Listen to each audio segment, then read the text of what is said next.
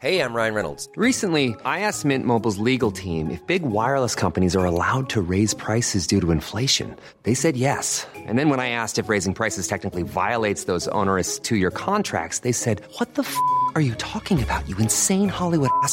F- So to recap, we're cutting the price of Mint Unlimited from $30 a month to just $15 a month. Give it a try at mintmobile.com slash switch. $45 upfront for three months plus taxes and fees. Promo rate for new customers for limited time. Unlimited more than 40 gigabytes per month. Slows. Full terms at mintmobile.com.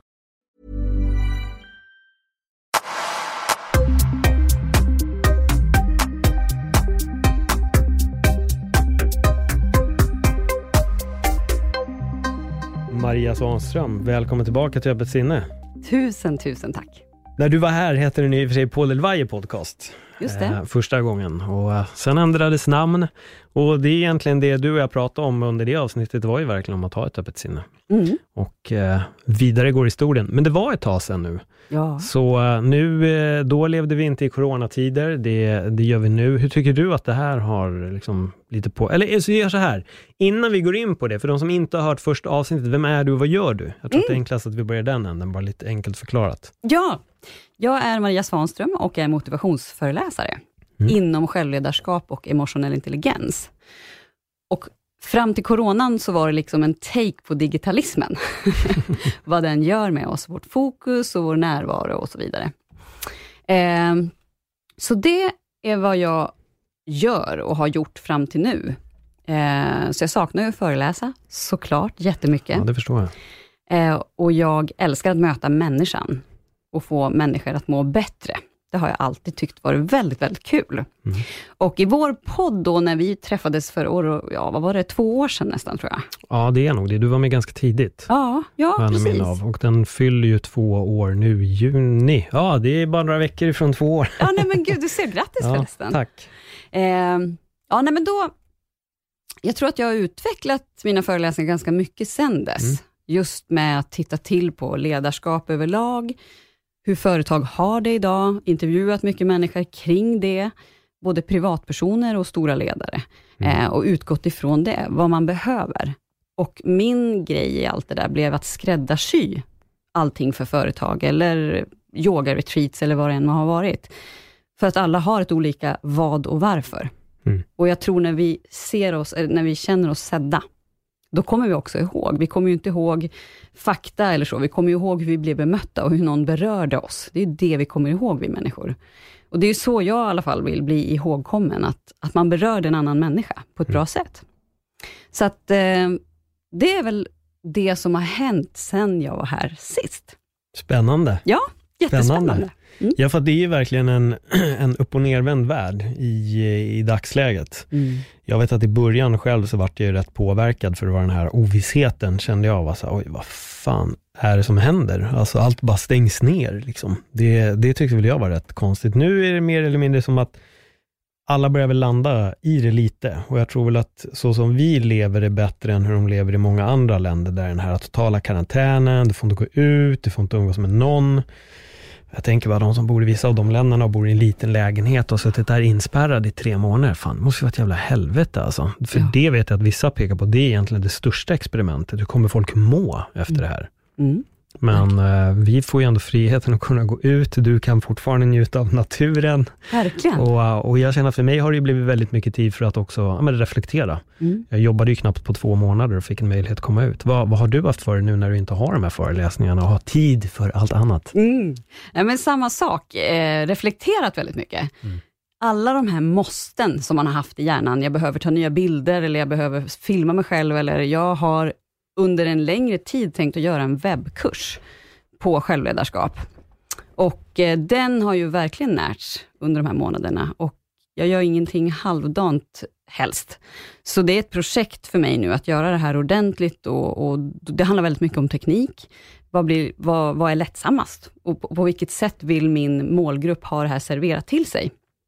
Så det har jag gjort.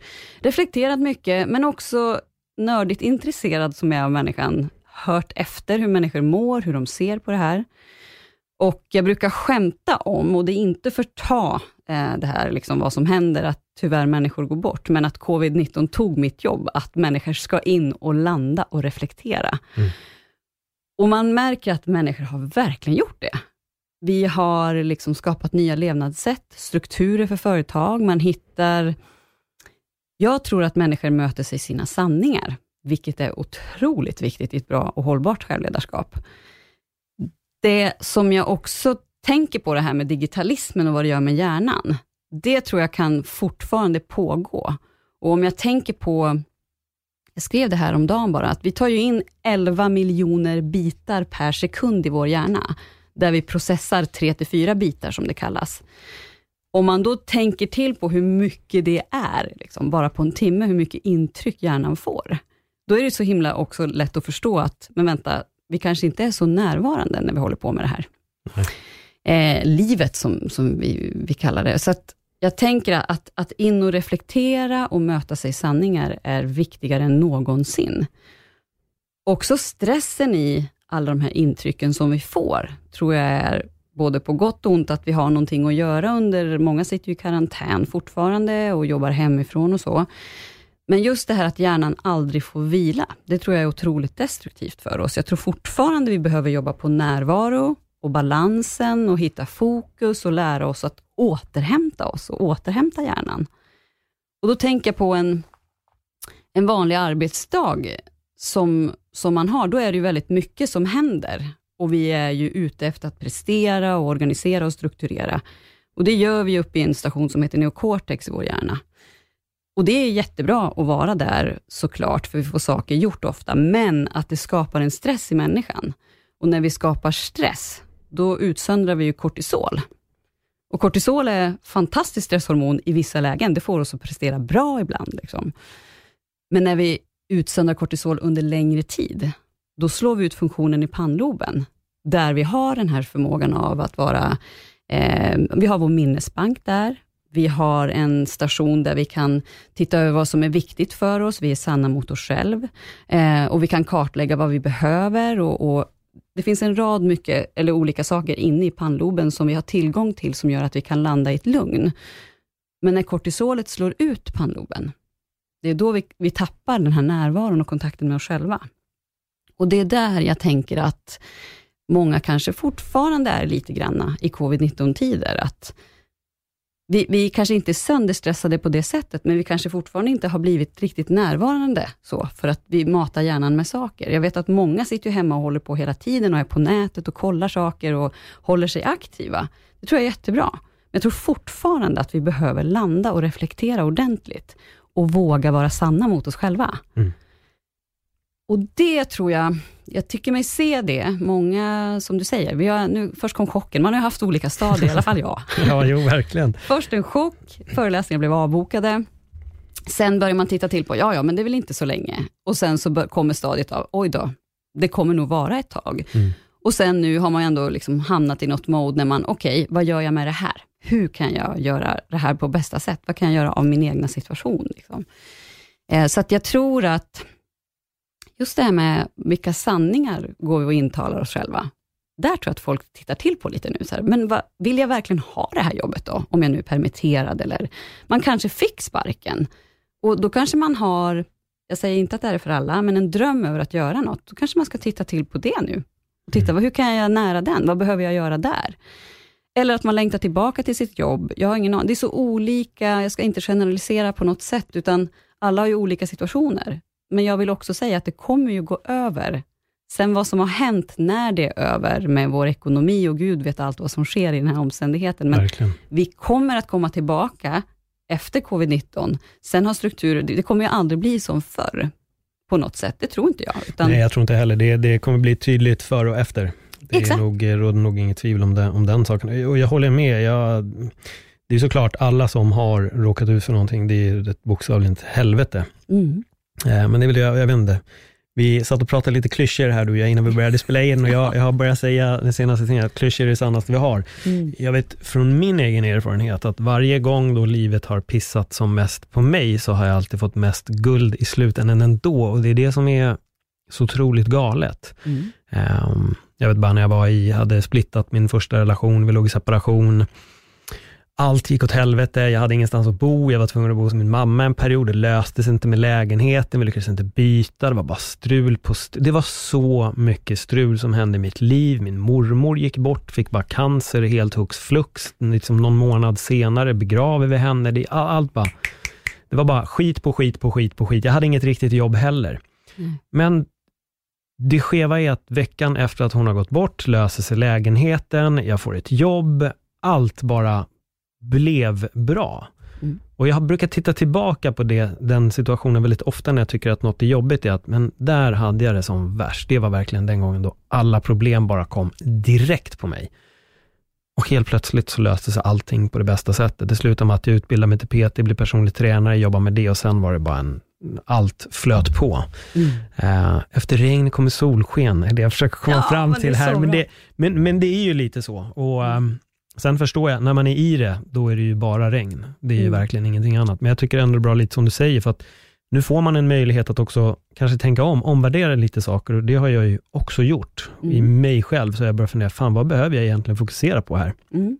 För jag hade inte heller jobb under två månader. Eh, och då var det verkligen, fan vad kan jag göra? Helt plötsligt började jag bli mer kreativ inom, inom min podd och börja försöka öka, eller göra lite nya saker. Mm. Men det är svårt och det, det, det är det där som jag märker också, att det finns, det finns två delade läger här. Det finns de som förstår allvaret i det och så finns det de som inte fattar någonting. Mm. De som tror att, men vadå, jag ska åka på min chartersemester här bara nästa helg. Och så, nej men det kommer inte riktigt gå. Nej, Ehm, så vi får se. Ja, allting skjuts ju upp hela tiden. De har ju öppnat för vissa datum, men sen skjuts de ju upp och skjuts upp och skjuts upp. Men hur känner du att du har landat i allting eh, nu då? För dig? Nej, men jag tycker att jag har landat rätt bra. Jag, jag vågade ju knappt säga det. Vi var och tog en walk and talk här idag, jag och en vän. Just att jag mår ganska bra. Också att folk har landat i att det är okej att va- få vara lite slö ett tag. Ja, men det är ju, Mm. liksom som han sa, söndag hela veckan. Liksom, att Ja. Det är ju lite så läget har hamnat i, på ett sätt. Saker är på paus, eller mycket är på paus. Verkligen. Eh, och vad kan man göra i det? För mig, jag mår väldigt bra. Jag är också väldigt kreativ inom det jag gör och känner att jag har hittat ett inre lugn nu i det. Eh, men att det har varit kaosigt för många och jag tror fortfarande att det, vi har lång väg kvar. Men återigen, vad kan man göra under tiden? För jag tror också det är lätt att hamna i victimize mode. Att man är ett offer och gör sig själv till offer. Och liksom, vi har ju alltid ett val, vi människor. Sen tror jag att det är väldigt också farligt det här med, jag pratar också mycket om att ta tag i våra ryggsäckar, i våra bagage och hälla ut och titta över vad man har där i, som skaver och gör ont och troendesystem och hela den biten. Det tror jag är ju något man kan också göra och har möjlighet att göra nu. Och be om hjälp brukar jag prata om, att vi kan prata med någon om hur vi mår, för jag vet att många mår dåligt också, har gjort det. Psykisk ohälsa har ju liksom skjutit upp Ja. i taket och det, det är fruktansvärt. Jag Mm. tänker också på skolelever som har haft sin trygga punkt i att få komma till skolan. Som kommer från hemska förhållanden som ingen vet om säkerligen, men att nu måste de vara hemma i det där. Liksom. Att det måste finnas hjälp och kraft att få. Eh, sen tror jag att det handlar väldigt mycket om att förstå sig själv, för en del har ju ett invant beteende, så de går, bara går och matar det här. Liksom. Eh, och då när man inte får hjälp och inte vet om att man kan be om hjälp, så fastnar man ju. Och det är det där jag tänker att det finns ju olika forum att få hjälp i idag och det går ganska lätt att ja, men, ta tag i Mindle eller Kry eller att man kan få tag på en psykolog och be om hjälp. Men jag tror igen att det som skaver i ryggsäcken, det måste man alltid reflektera över och fram till covid kom så tror jag det var viktigt och jag har verkligen påannonserat att sätta av reflex- reflektionstid liksom, och titta till på. Som du har gjort, som jag har gjort, som många gör. Vad, är det jag, vad, vad har jag kvar och vad har jag inte kvar? För jag tror ju mer, när vi är sanna mot oss själva, då går det bättre att leda sig själv också. Och då hittar vi ett lugn i det där. Vår kommunikation blir bättre, våra relationer blir bättre, för man står stadigt och man är i en trygghet, för man vet vem man är. Men så länge det här ekorrhjulet jobbar på, liksom, så, så hinner vi, vi går ju också liksom på den här dopaminskålen hela tiden, när det är så här mycket. Vi tar det som är enklast för oss. Liksom. Och så blir vi utom, liksom, vi, blir out, vi går på autopilot och vi blir utifrån styrda för att vi är inte i oss själva. Och det där har ju också varit förödande för företag. Det ska gå så fort hela tiden. Och det, det liksom ger ingen stabilitet, det ger ingen trygghet. Men det, återigen, för att återkoppla det här med att när man blir sedd som människa, det kommer man ihåg när man får ansvar och man får vara delaktig och involverad i saker. Inkluderad och, och man känner sig lyft och sedd. Det har tappats, tycker jag, fram till Mm. nu. Och Det är det jag tror också händer, att man behöver verkligen titta till på hur, hur leder vi grupper härifrån? För nu har folk haft tid att tänka och kanske behöver konfrontera vissa ledare, eller sig själva, eller sin partner, eller liksom, det här är inte okej. För fram till nu har det gått för fort. Men nu har vi landat i något läge där vi känner så här, okej, det här behöver jag ta tag i och hur gör jag det? Så det är mycket i omständigheten covid-19 som jag tror är bra föränderligt. Och det är inte för att ta att vi igen förlorar människor på något sätt Mm. och vi behöver ta det här på allvar. Och vi har haft tillgången till naturen och den är ju också otroligt läkande för oss. Det är det jag menar med att, att sitta, sitta framför en skärm hela tiden är aldrig bra. Liksom, och få intryck, intryck, utan när vi kommer ut i naturen, där har vi den riktiga återhämtningen. Vårt blodtryck går ner, vi får lättare tillgång till våra tankar och kortisolet går också ner. Eh, och hur den fyller på oss med kraft och energi. Och den här tystnaden och allt som sker där ute, den är också jätteviktig för oss. Också, jag vet att eh, jag vet att vi har pratat om det tidigare också, men vad vi äter spelar jättestor roll för Ja, hur vi tankar hjärnan med. Mm. Eh, hur vi tar ansvar för vad vi stoppar i vår kropp. Eh, att inte sitta och liksom ta, i, ta in massa skit, för det påverkar hjärnan, det påverkar våra tankar, det påverkar vår, vårt levnadssätt. Likväl som det vi säger till oss själva spelar roll. Och då behöver vi in och lyssna på vad vi egentligen tycker och tänker. Och få bort det här egot, för styr, våra sanningar styr oss och det, det, det egot talar om för oss är ju väldigt sällan sant. Nej, det, det brukar inte vara det. Nej. det. Det brukar inte. Man eh, spinner ju gärna iväg på, eller egot får en att spinna iväg på vägar som man inte behöver, behöver gå på. Jag tycker det är bra också det här, du nämnde en paus från ekorrhjulet, för jag skrev samma sak fast hamsterhjulet. Ja, ja, ja. Att det är lite det som jag tror också har behövt. Jag Mm. tror att det, folk får en tid där för att reflektera över vad som egentligen kanske är viktigt. Och man märker ändå att folk på något sätt har knutit sig an lite familj. Mm. Att det har blivit väldigt familjärt på senaste. Men nu kommer jag flyga lite här, för, för när vi ändå är inne på egot och du pratar natur, Mm. Så har jag vid några tillfällen här de senaste veckorna knallat ut i ett naturreservat. Mm. Utan någon form av musik, utan bara mig själv och mina egna tankar. Mm. Och där får man ju en otrolig tid att, eh, att reflektera. Mm. Och där på något sätt övervinner man till slut egot, för egot får spinna första timmen och tycka och tänka, men sen börjar man landa i vad som egentligen är, är viktigt Mm. på ett sätt. Och då är man på något sätt befri det här, att man nästan låter egot bara få gå loss en stund för att sen lägga sig och bara ligga i bakgrunden och vara tyst. Verkligen. Hur gör du när du går ut och går i naturen? För jag vet att du gör det väldigt mycket. Ja, nej men naturen är ju mitt, min plats där jag behöver återhämta mig och, och Mm. försöka göra det så ofta jag kan. Men det som händer när vi är i naturen, det är att vi går till våra sinnen också. Mm. Det, är så, det, vi, det vi hör och hur det doftar och det vi ser och det är ofta väldigt vackert i naturen. Så det ger ju oss liksom dopamin och endorfin och serotonin på fyllet.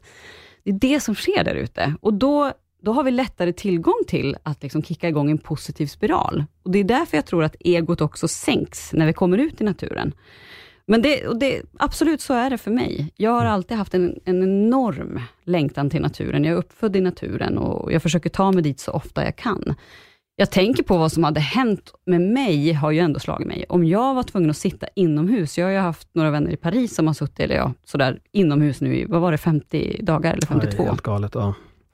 Jag hade blivit galen. Mm. Jag har ett otroligt behov av att röra på mig. Eh, på ett eller annat sätt. Jag hade säkert gjort, det var ju någon man i Spanien som hade något, sprang något maraton inomhus. Liksom. Ja, men, men att man hittar ju alltid sätt. Mm. Men för mig så är naturen återhämtning och jag vet och jag märker hur jag landar. Det finns otroliga forskningar på vad det gör med människan, hur nyttigt det är. Och det är det jag tänker med covid-19 i mitt stora perspektiv. Moder jord måste läka, som vi pratade om här innan Mm. vi kickade igång, att vi ska leva av henne. Och om inte vi tar hand om henne nu, så har vi ingenting att leva av. Och det är det också som jag kan bli lite smått provocerad av, att folk bara, som du sa, man har två grupper, skiter totalt i att fortsätta ta sitt ansvar för att rädda Moder Jord. Eh, jag tänker på 50% av koldioxidutsläppen, kan man se, har ju, det har ju minskat. Liksom. Det är fantastiskt. Känner du skillnad på luften? För det gjorde jag. Jag tyckte jag Ja. gjorde det efter någon vecka. Jag tyckte jag kände att jag började känna dofter som jag inte har känt. Och, Nej men visst, samma. Jag tycker också jag har märkt det. Ja. Och sen de här kartorna som kommer och man ser av, av hur det ser ut runt i världen, gör mig genuint lycklig, Ja. på tal om lycka, liksom, att det kickar igång mig. Så att jag tänker att det tror jag också kommer att ske nu. Att vi märker hur flygplan bara står stilla. Alltså vart, vad, vad händer med det framöver? Resebranschen, det är hemskt att säga, men alla får sig ju smällar av det här. Mm. Eh, men jag tror att det skapar ett ansvar, hoppas jag, hos människan, att titta till på och förstå att vi behöver vara med här och rädda Moder Jord. Vi behöver vara med och ta vårt ansvar. Behöver jag ta jobben, eller bilen till jobbet idag till exempel, eller kan jag ta mig dit på andra sätt? Jag tror att det här skapande, det att sitta och jobba hemifrån, är både bra och dåligt. Vi är ju flockdjur, vi behöver ses, mm. för att man ser ju på en människa hur de reagerar och så. Men jag tror att man kommer att hitta andra former som gynnar Moder Jord i det här också, i situationen. Så att eh, det är spännande tider på ett sätt, kan jag också tycka. Och se vad som faktiskt sker och kreativiteten och lösningar i det. Eh, så att jag, nej, jag, jag, jag, jag tror och hoppas att människan kommer att ta tag i sig under, under den här perioden som är och efter också. Och, och, få nya sätt att leva på. Får verkligen hoppas det. Ja. Det, det är det vi får hoppas. Det är, alltså det är svårt. Jag tror att det var det för mig också i början. Det var ovissheten. Ja. Jag, jag tyckte det var jättejobbigt. Mm. För att speciellt lite hur vi levde här också. För det var alla börjar gå mot karantän. Vi gör inte det. Jag tänkte den kommer. Det kommer bli karantän förr eller senare. Sen bara, det, det händer inte och jag liksom var hemma mycket de första veckorna. Mm. Men sen var det som att, bara, nej okej, det blev inget. Ja, ja. ja, men fan vad skönt på ett sätt, börjar man ju känna till slut. Nu är det ändå, fan, man kan ändå gå ut och röra sig. Jag tycker ändå att folk här allmän, allmänheten har ändå skött sig bra, eller den stora massan har ändå liksom skött sig. Jag märker det när jag går på promenader, det är en annan sak när man är inne i stan, men där jag går, då folk kliver åt sidan. Mm. Det, folk är väldigt medvetna, speciellt äldre, de kan i princip gå över gatan, bara de ser en 40 meter bort så är de direkt borta. Men Ja, jag tycker att det är fint. Jag tror det börjar dyka upp någon form av respekt för varandra. Jag tycker ändå på mm. tunnelbanan också så är det väl, såvida det inte är mitt i rusningstrafiken kanske, men, men det, det, finns utrymme att sitta på, det är mindre folk. Mm. Um. Verkligen. Alltså jag har hållit mig ifrån stan, mm. mång, alltså nästan i två och en halv månad och var in första gången förra veckan, eh, eller var det veckan innan, men det var liksom nytt för mig att komma in till stan och jag har aldrig sett stan så tom. Nej. Det var liksom en känsla som bara, men gud vad tomt här är. Och man såg som då också att människor höll sig ifrån varandra, vilket jag tycker var bra. Men jag tycker också ur situationen har fötts enormt, som du var inne på, medmänsklighet, kärlek, ja. att ställa upp för varandra, att ge. Och Jag tror att vi pratade om det när jag var med sist också, det här med att har man en dålig dag och tar sig ur det, så är det första steget man ska göra att ge av sig själv till någon annan. För att vi mår bättre, för vi ser hur andra Many of us have those stubborn pounds that seem impossible to lose, no matter how good we eat or how hard we work out. My solution is PlushCare. PlushCare is a leading telehealth provider with doctors who are there for you day and night to partner with you in your weight loss journey. They can prescribe FDA-approved weight loss medications like Wagovi and Zepbound for those who qualify. Plus, they accept most insurance plans. To get started, visit plushcare.com slash weight loss. That's plushcare.com slash weight loss. Hiring for your small business? If you're not looking for professionals on LinkedIn, you're looking in the wrong place. That's like looking for your car keys in a fish tank. LinkedIn helps you hire professionals you can't find anywhere else, even those who aren't actively searching for a new job but might be open to the perfect role. In a given month, over 70% of LinkedIn users don't even visit other leading job sites. So start looking in the right place. With LinkedIn, you can hire professionals like a professional. Post your free job on linkedin.com slash people today. Blir glada och mm. tacksamma och tar emot. Liksom. Så att Ja, det finns, det finns ju, alltså covid-19 kommer ju pratas om i hundra år. det är ju så. Liksom. Men ja, jag men tror verkligen. Att... Och, och jämför vi det här med spanska sjukan, här finns det ju mer, det kommer dokumenteras oh, betydligt ja. mycket mer. Definitivt. Bara alla sociala medier, alla videos som har pumpats upp och äh, alltså det, det, är en, ja, det, finns, det kommer finnas ett, ett annat sätt att titta på historia om vi nu hoppar hundra år fram. Ja, ja. Så kommer man kunna så här detaljstudera varenda dag av covid-19, inte via bara någon text som någon har skrivit, utan det är videodokument från varenda land, varenda stad i hela världen. Vad hände egentligen där den dagen, exakt vid den tiden? Ja. Och då är det bara att kolla upp. Ja, visst. Och så hittar man Trump där som säger jättekonstiga ja, saker, så säger jaha, var det, var det så det var? Men eh, Nej, men det, det, är som sagt det är en galen värld och det är väl en eh, skrämmande och spännande tid på två sätt. Det är en mm. riktig vattendelare ja. ur, eh, ur den aspekten. Men jag tror också att det, det, det finns en möjlighet att liksom ta den här pausen. Ja. Att rannsaka sig själv, vad är egentligen viktigt? Och jag tror nu när man är lite, när många nu är intvingade i det, så, så här, gör det, ta, ta tiden och sätt dig och reflektera lite. Mm. För mig har reflektion varit jätte, jättebra under den här tiden. Jag tycker att det har gett, på gott och ont, liksom Mm. väldigt mycket, men ändå bara kunna ta en paus. Vad är egentligen viktigt för mig nu när jag inte kan göra det som jag älskar? Liksom. Nej men visst. Ja. Det tror jag, precis så. Jag tror också det är viktigt att folk har, ändå håller sig till rutiner. För de som också, en del blir- har ju blivit deprimerade ur det här och det förstår man ju. Men att ändå hitta någon daglig rutin. Att man ändå går upp kanske samma tid och att man hittar någon form av, om man inte är på nätet, men ändå hitta någonting som gör att du kickar igång hjärnan. Kolla på TED-talk eller gör någonting så att du får en rutin och lär dig något så att du inte tappar, liksom att man fastnar i det här dåliga. För det finns ju verkligen många som har gjort det också. Eh, du och jag, vi tar tag i det och liksom ser möjligheterna och skapar, men de som har fastnat, där tror jag att man igen, be om hjälp och försöka ta sig ur det och vända, liksom, vända det till, vad kan jag göra istället? Och hitta kraft i det. För jag tror att många har också tappat motivationen under de här månaderna. Hur kan vi få motivation igen? Och där tror jag också det handlar om att hitta och liksom, vad gör mig glad på riktigt? Hur, ja, men om jag inte har hittat lyckan nu, eller glädjen, vad var den tidigare? Och där tror jag också i covid-19, vilket jag hyllar, har folk hittat medmänskligheten som lycka, inte materialistiska ting, utan Ja. det som verkligen betyder något för oss, det, är- det är människorna, vår familj, våra vänner, alltså naturen, komma ut och andas, eh, göra saker som inte kostar. Alltså, det tror jag har stigit i värde hos människan.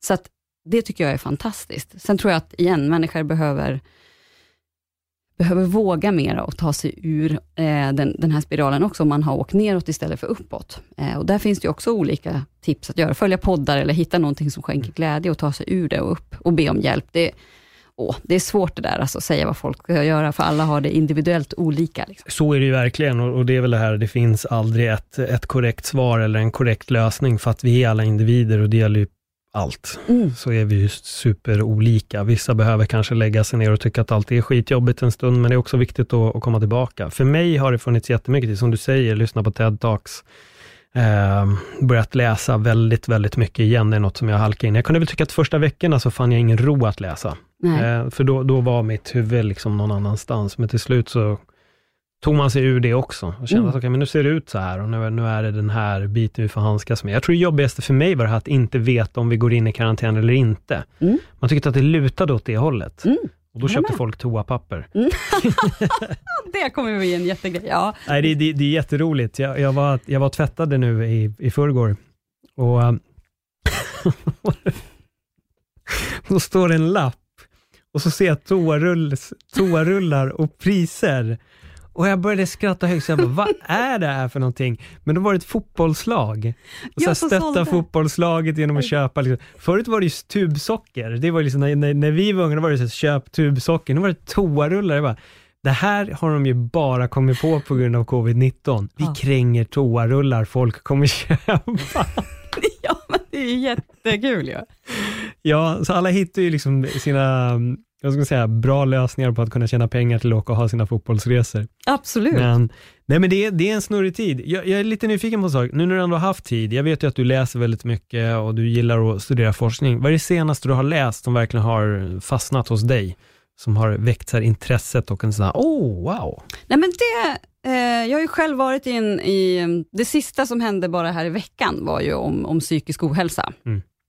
Och eh, jag har ju levt i två olika relationer med det.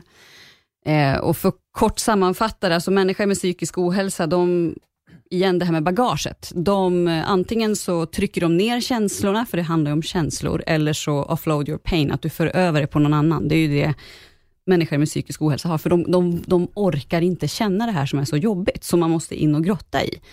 Och de har ju också närt en form av liksom beteende i att det är okej att vara så här, för att det är det enda som, det här beteendet som de för som är illa, det är deras trygghet. Och de har fastnat i det.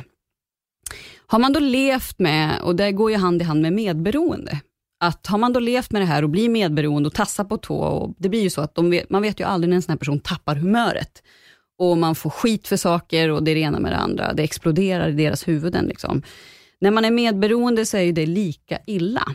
Och Då såg jag en forskning där man berättade att har man levt med en person med psykisk ohälsa, så kan man få, om man är medberoende, en hjärnskada själv. För att man blir så låg, man blir så djupt neddragen. Och det är lika illa. Så det är liksom det sista som jag tog med mig och jag tror inte att jag har fått någon hjärnskada av mina två gamla relationer med det här då, men det får en att tänka till hur skört livet är också. Eh, och vad ovärt det är, för vi är ju gjorda av kärlek, människan. Ingen är född elak, utan det kommer ju av mönster av eh, en uppväxt som var fruktansvärd, eller vad en som har påverkat det. Vi, är- vi är kärlek, människan är det. Och vad som sker i, i, en- i en, då en människa med psykisk ohälsa, de rår ju inte för sina beteenden. Sen är det aldrig acceptabelt. För den som går in så vill man hjälpa och vara en god medmänniska. För, för igen, vi är kärlek. Vi vill se till att den här människan mår bra. Men den måste välja att må bra själv. Den måste välja att gå in i de här stegen, att ta tag i vad det är som gör ont. Och så länge de inte väljer det, så kan man inte stå och stötta och backa, för vi blir bara nedtryckta mer och mer och mer och mer. Och så till slut så förlorar man sig själv, precis som människan man har levt med med psykisk ohälsa redan har gjort. Så det är det här jag tänker att om det, om det är så pass illa som det var i den här forskningen, att, att man får en hjärnskada till sist, eh, det är fruktansvärt. Och jag tänker på igen då med att trycka ner känslor eller offload. Alltså, kroppen är ju vår visaste del av oss människor och tar vi inte hand om våra känslor så respondar den. Och det är allt från en förkylning till tyvärr en cancer. Att ta hand om sina känslor och bearbeta dem så, så vi kommer igång i energin och vi gör av oss med blockader i våra chakran och i våra kroppar och att börja prata med någon. Vi vet ju själva att det kan ju ett enkelt tips, liksom om man bara har suttit och kollat på en sorglig film och så börjar man gråta, då, då gråter man för allt. Liksom. Får man ur sig skiten så. Eller för mig om man har en dålig dag, går och tränar och får liksom att, att bearbeta det där, eller att prata med en person. Jag tror det är superviktigt att förstå också eh, att handlingar får konsekvenser. Eh, men människor med psykisk ohälsa och som beter sig på det här sättet, de har ju deras egon äger ju dem, det är deras trygghet. Eh, och att de beter sig som de gör. De, de mår ju sjukt dåligt, de, är ju, de utgår ju från plattformen av rädsla ofta. För att de vet inget annat och det här är det enda sättet att skrika eller föra över sina känslor på någon annan, för de, igen, har för ont. Så att jag tror att, att ta ansvar för det och förstå att det är oh, helt okej att ta tag i sina känslor och prata med någon. Jag tycker ändå i Sverige vi har blivit väldigt bra på det. Att förstå att gå och prata med någon, det behöver man inte vara en psykopat för att göra, utan det borde vara, som jag brukar säga, lika vanligt som att borsta tänderna. Alltså att det är någonting vi borde göra dagligen. Att rensa och prata känslor, för det är, det är fantastiskt vad som händer ur det. Och det är väldigt skönt att få bolla med en annan person när man själv mår dåligt. Eh, att få verktyg, det pratade vi om i, när jag var här sist också, med Elora som jag har gått hos, som också var gäst hos dig. Och att jag, jag har fortfarande väldigt mycket hjälp av hennes verktyg eh, i mitt vardagliga liv. Så det är fantastiskt. Så att, att ta ansvar för att ta tag i sitt bagage och sin ryggsäck, det är också en möjlighet under covid-19 tror jag. Att titta till på vad det är som skaver och inte vara rädd att be om hjälp. Herregud, det är ju fantastiskt att be om hjälp och få prata om problem. Och, och det läker, det läker själen, det läker hela människan, det läker kroppen. Och då går vi in i ett lugn igen och då så går det här parasympatiska nervsystemet på, där vi har vårt lugn naturligt. liksom. Jag håller med. Jag, jag har alltid haft väldigt lätt för att prata. Jag är lite som, vid rätt personer, då är jag mer än en öppen bok, Mm, om man säger sant. så. Och Jag har alltid varit väldigt eh, så här, benägen att, att prata, men eh, jag har nämnt det här tidigare, men min pappa sa en sak till mig när, för många år sedan. Då sa han, han bara, hade jag aldrig han bara, jag har haft så mycket bra vänner som jag har kunnat prata och gråta hos. Mm. Men hade jag inte haft det, då hade jag mått väldigt dåligt. Mm. Eh, och jag tror att om man inte kan söka terapi så är det alltid bra att ha folk att prata med. Faran är när man mår skitdåligt och inte prata med någon och inte vågar söka terapi heller. Jag nämnde även det här, jag tror det var bara två avsnitt sen, som jag nämnde i podden också, att vi, vi ska säga, män kanske då, kan tycka att gråt inte för du är man, eller Mm. hit och dit. Jag tror inte kvinnor lika ofta säger det till en kvinna, att gråt inte eh, för du är kvinna, men, men män kan ha lite den grejen, det är inte manligt att gråta. Men om du förtränger ditt skratt då? Om du förtränger skrattet i ett år också, att så fort du känner att du vill skratta så stänger du igen käften, så ska du säga, effekten kommer bli densamma. Mm. Det är bara dess motsatta känsla, men, men skratt släpper vi. Ah, skratta, må bra, ha, ha, ha, ha, ha. Men gråt inte. Det, får du, det måste du liksom förtrycka, det gör man inte. Det, det är där jag fattar inte var den idiotin kommer ifrån, att vi inte får gråta. Jag älskar koreansk film. Mm. Eh, brukar du kolla koreansk film? Nej. Nej, bra, för då hade du vetat att där gråter de. Ja, vad Jävligt vackert. mycket. Ja. Både män gråter, kvinnor gråter och det är liksom, det, det hela tiden, ja, konstant. Så fort det är någonting, du kan liksom ha en scen där två män i princip sitter och gråter. Men du ser ju aldrig en actionfilm från USA. Du ser inte Vin Diesel och The Rock i Fast and the Furious, sorry bro, och så börjar de böla liksom. det skulle aldrig hända. Men i koreanska filmer, där kommer det. Där kan gråten komma. Dör en person, då, då gråter den andra som håller om honom väldigt mycket. Liksom. Och det där är något som fascinerar mig lite, det här melodramatiska, att de ändå har så nära till den känslan. Att de förtränger den inte. Den är exakt som skrattet. När den är där, då ska den ut. Samma som skrattet. När det är där, släpp ut det. Så jag skulle säga om du är en sån som tycker att du inte ska gråta, likaställ skratt och gråt. För vad händer om du skrattar för mycket? Ja, du börjar gråta. Exakt. Så det är bara ut. Känslorna behöver ut. Vi får inte bunkra upp dem och prata med folk. Exakt. Simplify Snacka. Ja, Ja. men faktiskt. Verkligen. Men vad fint. Nu ska jag kolla koreansk film. Härligt ju. Jag ska, jag ska klura ut någon där hon gråter mycket så, eh, så, får, du, så får du kolla. Ja, nej men det är sant som du säger och jag tycker det är jag tycker ändå det luckras upp lite att män kan vara män och, och prata känslor, men det är fortfarande lite locket på. Och där tänker jag att igen vad som händer i, i män när man öppnar upp för en annan man, att det, det, är lika, det ska vara en naturlig del av en och att man inte ska vara rädd för det heller. Och, och jag tror liksom att det här macho, slå sig på bröstet och vara man, det, det liksom är fel ramar för det. Det är inte det som gäller längre, liksom, att starkast vinner, utan tycker nästan det är tvärtom, svagast vinner, för man, är, man vågar visa känslor och när vi tar tag i dem så blir vi starka istället. Istället för att trycka undan, vi blir ju bara svagare av det. Liksom. Så att eh, man får vända på det lite kan jag tycka. Får se om det är fler som, eh, som börjar, börjar eh, våga att frigöra den, den biten hos sig själv. Mm. Jag är bara lite nyfiken på det här med hjärnskadan. Mm. Vad, vet man var, var i hjärnan hjärnskadan lägger sig? Finns det liksom så konkret forskning? Vad är det som påverkar den? Och, Mm. Om du minns? Nej, det, det gick han aldrig in på så. Jag tänker bara på vad en, vad en stroke gör liksom, med, med hjärnan. Att, eh, och ofta, återigen, för att återgå till kroppen och känslor, att om man har gått och tryckt ner för länge och förnekat saker och så, så kommer det ju upp och så. Eh, när man väl slappnar av sen, att då släpper det på något sätt. Eh, han gick aldrig in den här mannen på vart i hjärnan hjärnskadan kommer att ske och jag tror ju återigen, det är ganska komplext område att veta Verkligen. hur det blir och, och för vem och hur länge den här medberoende människan har gått med det här och så vidare. och så vidare. Eh, allt han visade på var ju att, att forskning finns på att man kan få en hjärnskada och igen, det är skrämmande, tänker jag. Vi är sköra. Vi är otroligt sköra och vi är bara människor. Vi är av kött och blod och jag tycker att det digitaliserade samhället har skapat det hos oss, att vi ska vara någon jävla superwomen and supermen och det, ingen är det. Vi är människor av kött och blod, vi har känslor eh, och eh, ideal, allt det. Jag tycker ändå att det börjar också suddas ut lite. Jag tänker på Eh, just det här med jag la ut någon quote om att eh, trafiken är borta, att, att människor är, man är hemma med sina familjer. Märkeskläder är inte viktigt längre. Eh, igen, vad som verkligen är värderingar hos människan idag. Eh, att det är att få vara tillsammans, vad som får oss att skratta, att kunna vara ute, att kunna få vara frisk. Att det är sådana värderingar som vi börjar gå mer mot. Och det hoppas jag blir stabiliteten i det här framöver på något sätt. Inte att förta designers och vad de gör och vilka fantastiska kläder som finns och så, alls. Men att, vad är värderingarna och hur vill vi, att, att kunna jobba med det vi verkligen vill. Liksom. Och jobba på sig själva, för det tror jag aldrig slutar. Det är en ständig process. Ja, det är hela tiden. Ja, det känner jag ju också. Den, när man tror att man är klar, då har man fel. Ja, verkligen. Det, det känns som att det, det har alltid börjat. Ja, Resan har alltid börjat. ju mer vi, vet, ju, ju, ju mer vi med, vet om, om sig själv, ju mindre vet man egentligen. Exakt, det var det citatet jag letade efter. Jag har, har en bok här som heter Tao Te Ching som är skriven av Lao Tzu och han säger det, desto mer vi vet, desto mindre förstår vi, eller om det är desto mer vi förstår, de- de- desto mindre vet vi. Jag tycker den är, den är klockren. Desto mer vi lär oss, desto, desto fler frågor har vi. Eh, och det är så jag känner hela tiden också. Och sen går han också in på det, de som har svaren har inte det. Eh, och det tycker jag också, att många som sitter med, jag vet det här och så här och så här och så här. Och, så, och, och, jag, kan, och jag kan sitta och lyssna på det och känna att, ja, du vet ju egentligen ingenting.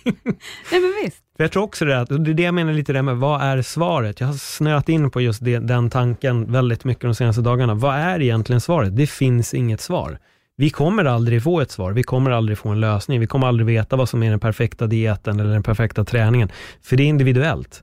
Exakt. Du kan sitta och säga till mig att det här funkar perfekt för, för mig, ja men nice, fan vad Mm. kul. Och jag har mitt som funkar för mig. Och jag tror att vi snöar in i fel saker. Jag tror att folk vill gärna ha svar på allting. Man ska alltid ha ett konkret svar om hur man löser det. Det tror jag är lite vår, en brist i människan. Mm. Att vi alltid söker efter ett konkret svar, istället för att bara hela tiden lära oss mer och kanske förstå att vi faktiskt inte fattar något. Faktiskt, jättebra sammanfattat. Och jag tror också det här att just vad digitaliserade världen gör, är är den quick fixen, att vi ska Ja. klicka enter och så löser sig allt. Och, och livet är ingen quick fix, utan vi behöver gå in till oss själva. Och som du säger, vi funkar alla olika, men vad behöver jag då? Mm. Jag till exempel, en upptäckt var ju nu under eh, de här närmsta månaderna som har varit, jag har inte kunnat gå på gymmet och jag behöver styrka. Jag rör ofta på mig, men just att kunna styrketräna är viktigt för mig också, för att jag har skador. Och nu har jag inte kunnat gjort det på tio veckor eh, och ändå valde jag att våga gå ner och titta, hur ser det ut? Är det någon där? Nu ligger mitt gym i, i ett industriområde, så det är inte speciellt mycket folk där, vilket var en lättnad. Men Jesus, att få ta tillbaka en del av livet, vad det födde i mig. Liksom. Också under tiden då jag inte kunde gå på gymmet, men jag har varit uppe i Härjedalen och åkt skidor, jag har varit mycket ute i naturen och sådär, och jag har tränat hemma. Så helt plötsligt så halkade jag in på Ryan Huffington, som är en koreograf, en danskoreograf i LA. Och han hade på Instastory eh, liksom danspass. Och då, det blir ju också, då var det en upptäckt för mig, för när jag var yngre så dansade jag. Hur mycket man har saknat den delen. Då väcktes den i lilla Maria. Men gud, hon gillar ju att dansa och så körde man de här danspassen med honom. Och det födde ju också glädje. Så att jag har hittat gamla delar i mig själv, som jag har tyckt väldigt mycket om. Också att jag börjar skriva som journalist igen, för det är också en roll jag kan falla tillbaka i, när jag inte kan föreläsa. Titta till på, vad kan jag göra med det? Eh, och, och ta fram de gamla skatterna, får man kalla det så. så här, det, här, det här kunde jag ju jobba med tidigare, varför gjorde jag det? Titta till på det och så. Så att man kan börja använda sig av ett, sitt gamla jag på ett sätt som blir ett nytt jag. Men vissa saker, och det tror jag att jag kanske sa, men jag kan inte... Jag är, man måste ju förändra sig själv ständigt, man är ständigt under förändring. Men jag har tre grundpelare som jag inte kan talla för mycket på. Det är sömn, träning och mat. Alltså de, de behöver jag hela tiden hålla på liksom, och följa mig efter, för annars, annars går jag sönder. Så att hitta former för träningen har varit en utmaning de här eh, veckorna eller månaderna eh, och nu är jag tillbaka på gymmet eh, ett tag och skulle det smälla till igen får vi se om, jag har stor respekt igen för covid-19. Men glädjen det födde i mig och jag kände helt ärligt, det var som att en champagnekork gick upp. Puff, liksom. Yes, jag är tillbaka. Det var en härlig känsla. Och just det här att, jaha, är det så här jag plockar hem mig själv igen? När jag inte fått vara i den där som jag brukar. Och det är också det här med att ta för givet. Som jag mötte mig i, så här, gud vad jag har tagit för givet, att jag bara kan gå på mitt gym. Och nu har jag inte kunnat det och vad, vad, oj vad det betydde mycket för mig. Så hon fick nog en chock den där unga tjejen i repan när jag klev in. Jag var så glad och jag pratade på ut och inandning och bara la, la, la, du vet så här och hon bara wow, hej hej. Så hon sa ju också det, det har också påverkat dem. Ja. Hur det, liksom en, de är ofta två receptionister där, nu var det bara en och hon sa det, folk, det är ju knappt några folk här eftersom att det är ett industriområde väldigt mycket människor som är permitterade, så det är ju bara de som bor omkring området som är där och det är inte många. Liksom. Så att, nej, men det, var, det var för mig i alla fall en lycka, att få hitta tillbaka till mig själv igen på ett sätt. Det förstår jag. För mig, träningen var kvar hela tiden. Jag har nog inte tränat så mycket och träningen har nog aldrig gått så bra som Nej, det visst. gör just nu. Det är helt stört. Men jag känner lite som du säger, för mig de senaste veckorna jag har börjat landa i, i någonting annat också. Det har blivit lite nya saker att ta tag i och börja tänka ur ett kreativt perspektiv. Vad kan jag egentligen göra av den här situationen? Hur kan jag skapa mina egna omständigheter? För där, där tror jag att vi brister många gånger. Vi vill alltid att någon annan ska skapa våra omständigheter istället för att skapa dem själva. Eh, Och jag försöker hela tiden bara tänka, hur kan jag göra någonting nytt? Mm. Men ändå fortfarande göra någonting som jag njuter och mår bra av. Visst. Så det är väl lite där jag har, har landat. Ja. Vet du vad? Vi måste tyvärr avrunda. Times out. Eh, vi fastnade i en jättelång konversation, du och jag, innan vi började. ja. Så vår tid rann, liksom ut eh, på det. Men det här är andra gången och det är ju inte den sista gången för den här podden kommer ju pågå i all evighet. Så Hurra! eh, vi kommer såklart att sätta oss vid fler tillfällen och prata. Maria, om man vill följa dig i din resa, var hittar man dig då? Man hittar mig på Instagram mest faktiskt och Facebook har jag lite nu. Min hemsida håller på att jobbas på. Så att eh, Maria understreck Svanstrom med W på eh, Instagram och Facebook är Maria Svanström också bara tror jag. Det finns två profiler där att titta på. Och vill man mig något så kan man mejla mig på maria.mariasvanstrom.com och då med W också. Super. Och känner man att det här var för lite så länkar jag också till vårt första avsnitt i bion, så då kan man bara hoppa in där och så blir ni direkt länkade till, eh, till det första avsnittet så kan man eh, lyssna ikapp det. Ja, Tack för ännu ett bra samtal. men tack så hemskt mycket för att jag fick komma tillbaka igen. Ja, absolut. Och vi kommer såklart sätta oss eh, snart igen. Så det, det blir fler gånger. Och till er som har lyssnat, tack så jättemycket. Om ni uppskattar det ni hört, dela jättegärna avsnittet, ratea podden och eh, ja, ha en fantastisk dag och eh, ta hand om er själva. Hej då!